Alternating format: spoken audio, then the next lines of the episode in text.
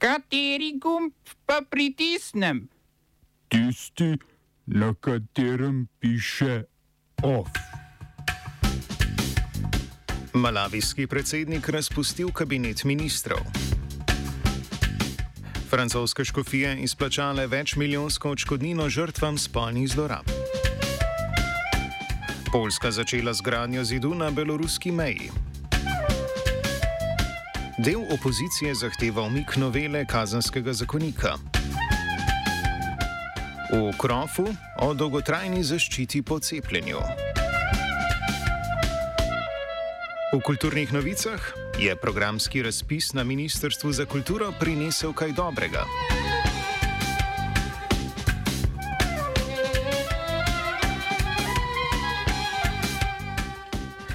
Predsednik Malavija Lazarus Čakvera je v ponedeljek zaradi obtožb o korupciji razpustil celoten ministerski kabinet.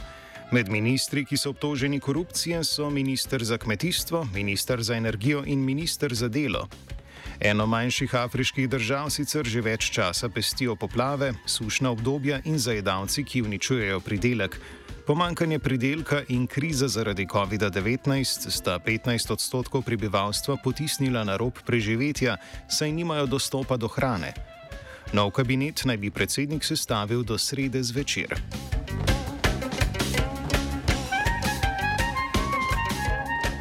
Kubansko javno tožilstvo je sporočilo, da je zaradi lanskih protivladnih protestov uložilo obtožnice proti več kot 700 posameznikom. Protivladni protesti, ki so na Kubi redki, so julija lani izbruhnili po celotni otoški državi zaradi finančne krize in epidemije COVID-19, usmerjeni pa so bili proti vladi in predsedniku Miguelu Diazu Canelu. Dodatne demonstracije so bile napovedane za november, a zaradi povečane prisotnosti policije širom države do njih ni prišlo. Na sojenje čaka še 710 ljudi, med katerimi je več kot 50 mladoletnikov. Urad javnega tožilca je skoraj 800 oseb obtožil dejanj vandalizma proti oblastem, osebam in premoženju ter resnih motenj javnega reda. Skupno je bilo zaradi protestov aretiranih več kot tisoč oseb.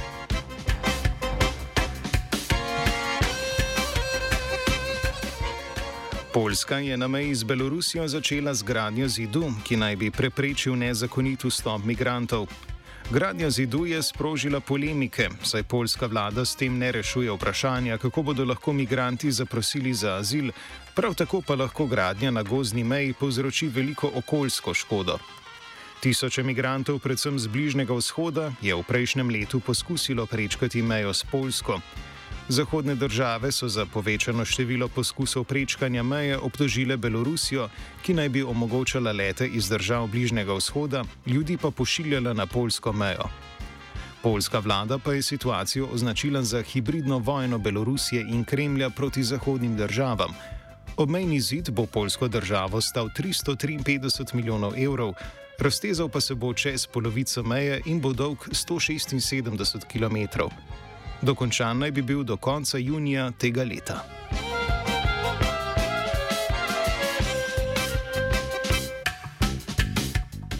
Britanski premijer Boris Johnson se sooča z novo obtožbo o kršenju pravil o zaprtju javnega življenja med epidemijo COVID-19.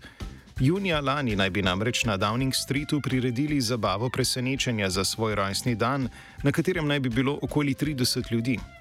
Služba za odnose z javnostjo premijeja je sicer sporočila, da se je po sestanku zbralo osebje in premijeju čestitalo za rojstni dan, Johnson pa naj bi se tam zadržal zgolj 10 minut. Do novih obtožb prihaja v času, ko se premijer bori za politično preživetje zaradi naraščajočega škandala, ki so ga povzročila razkritja o zabavah na Downing Streetu. Zabave so tudi predmet interne vladne preiskave in londonske policije. Predsedniku vlade prav tako grozi glasovanje o nezaupnici, če bo vsaj 54 poslancev njegove stranke uložilo pisma s pozivi k postopku.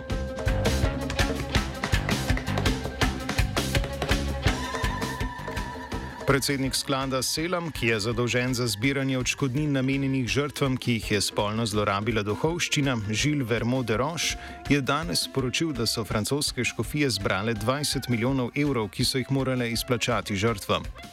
Izvora denarja ni komentiral, dejal pa je, da so denar prispevali škofovska konferenca, posamezni škofje in večina škofij po vsej Franciji. Neodvisna preiskava je pokazala, da je bilo med letoma 1950 in 2020 zlorabljenih več kot 200 tisoč žrtev. Če v rezultate preiskave vključimo tudi žrtve, ki so jih zlorabili lajki, recimo učitelji na katoliških šolah, se število žrtev poveča na več kot 300 tisoč. Škofovska konferenca je lani priznala, da je za sistemske zlorabe kriva crkv, ter da bo kazen poplačala s prodajo nepremičnin, porabo lastnih finančnih rezerv in, če bo nujno, z zadolževanjem. Večina žrtev so bili dečki med 10 in 13 letom starosti.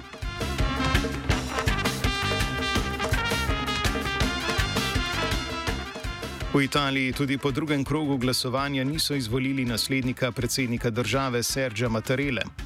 V drugem krogu je prazne glasovnice sicer oddalo 527 članov volilnega kolegija, kar je sicer manj kot v ponedeljkovem prvem krogu, a še vedno premalo za dvotretinsko večino v italijanskem kolegiju, ki ga sestavlja 1009 poslancev. Največ glasov sta prejela sedajni predsednik Matarela in pravnik Paolo Maddalena. Desno-sredinske stranke so sicer včeraj predstavile seznam svojih kandidatov. Na njem so nekdanja italijanska ministrica za izobraževanje Leticia Morati, upokojeni sodnik Carlo Nordio in nekdani predsednik senata Marcello Pera. Levo-sredinske stranke s temi predlogi niso bile zadovoljne, saj kandidati ne bi dobili dovolj velike podpore. Levo-sredinske stranke svojih kandidatov niso predlagale, so pa vse desne stranke pozvale na skupne pogovore. Nov krog glasovanja se je začel danes ob 11. Do sedaj pa imamo samo informacije o skupnih pogovorjih. Ključen bo četrti krog, saj po njem zadostuje že absolutna večina, torej 505 glasov. Takrat naj bi se tudi povečale možnosti, da bo kateri od kandidatov izvoljen za novega predsednika Italijanske republike. Oba, če, če bom odgovoril na angliški. Slovenija bo poskušala pomagati. Slovenija bo naredila naš utmost, da bo rekla, da je situacija naš problem, ourselves. In da bomo naredili nadaljnje korake, as soon as the conditions are. Bomo vlado Marjana Cererja Šarca podprli. zelo, zelo resno. We know how and we will. Opozicijske stranke SD, LMŠ, SAP in Levica so včeraj sklicale tiskovno konferenco, na kateri so zahtevale umik predloga dopolnitve kazanskega zakonika z dnevnega reda redne seje državnega zbora. Vložili so tudi dopolnila, s katerimi predlagajo črtanje vseh členov spornega zakona. Zakaj so se odločili za to potezo, pojasni poslanec Levice Matej Tašner Vatovec. Ja, v opoziciji smo že od, uh, od obravnave tega predloga na odboru opozarjali na sporne rešitve, ki jih prinaša. Uh, takrat, uh, v tistem trenutku, se je koalicija odločila, da bo ta zakon podprla, uh, tako da smo potem uh, se dogovorili, da bomo predlagali umik točke. Uh, je pa jasno, da uh, stvari, kot jih je. Uh, koalicija preko svojega megafona, eh, tokrat eh, zmaga Jelinčiča, eh, predlagala pač pri ljudeh in pri strokovni javnosti niso šle eh, skozi. Tašner Vatovec prav tako pojasni, kaj bi se zgodilo, če bi bil zakon sprejet. To, da bi se lahko uh, pometlo pod preprogo velike afere iz preteklosti gospodarskega kriminala uh, do afere Trenta, pa do najnovejših uh, preiskav glede uh, um, nabav zaščitne opreme je nekaj, kar seveda ljudi boli, upravičeno. In uh, zaradi tega smo tudi pozdravili pobudo uh, civilne družbe, da bo šla v referendum za to in seveda v parlamentu angažirali uh, to, kar lahko mi naredimo. Se pravi, poleg tega, da smo glasovali proti temu predlogu, tudi uporabili uh, parlamentarna orodja, ki bi lahko uh, sprejem tega zakona um, zavlekla. Zdaj, kot kaže, se je vse išlo naj, na najboljše, se pravi, koalicijske stranke so odtegnile podporo temu uh, zakonu, tako da lahko to štejemo kot neko malo skupno zmago uh, opozicije, civilne družbe in tudi strokovne javnosti. Koalicijske stranke so sprva podprle predlog dopolnitve kazanskega zakonika, ki ga je vložila SNS. Po včerajšnji tiskovni konferenci opozicije pa so vse z izjemo SDS izrazile nestrinjanje s premembami zakona.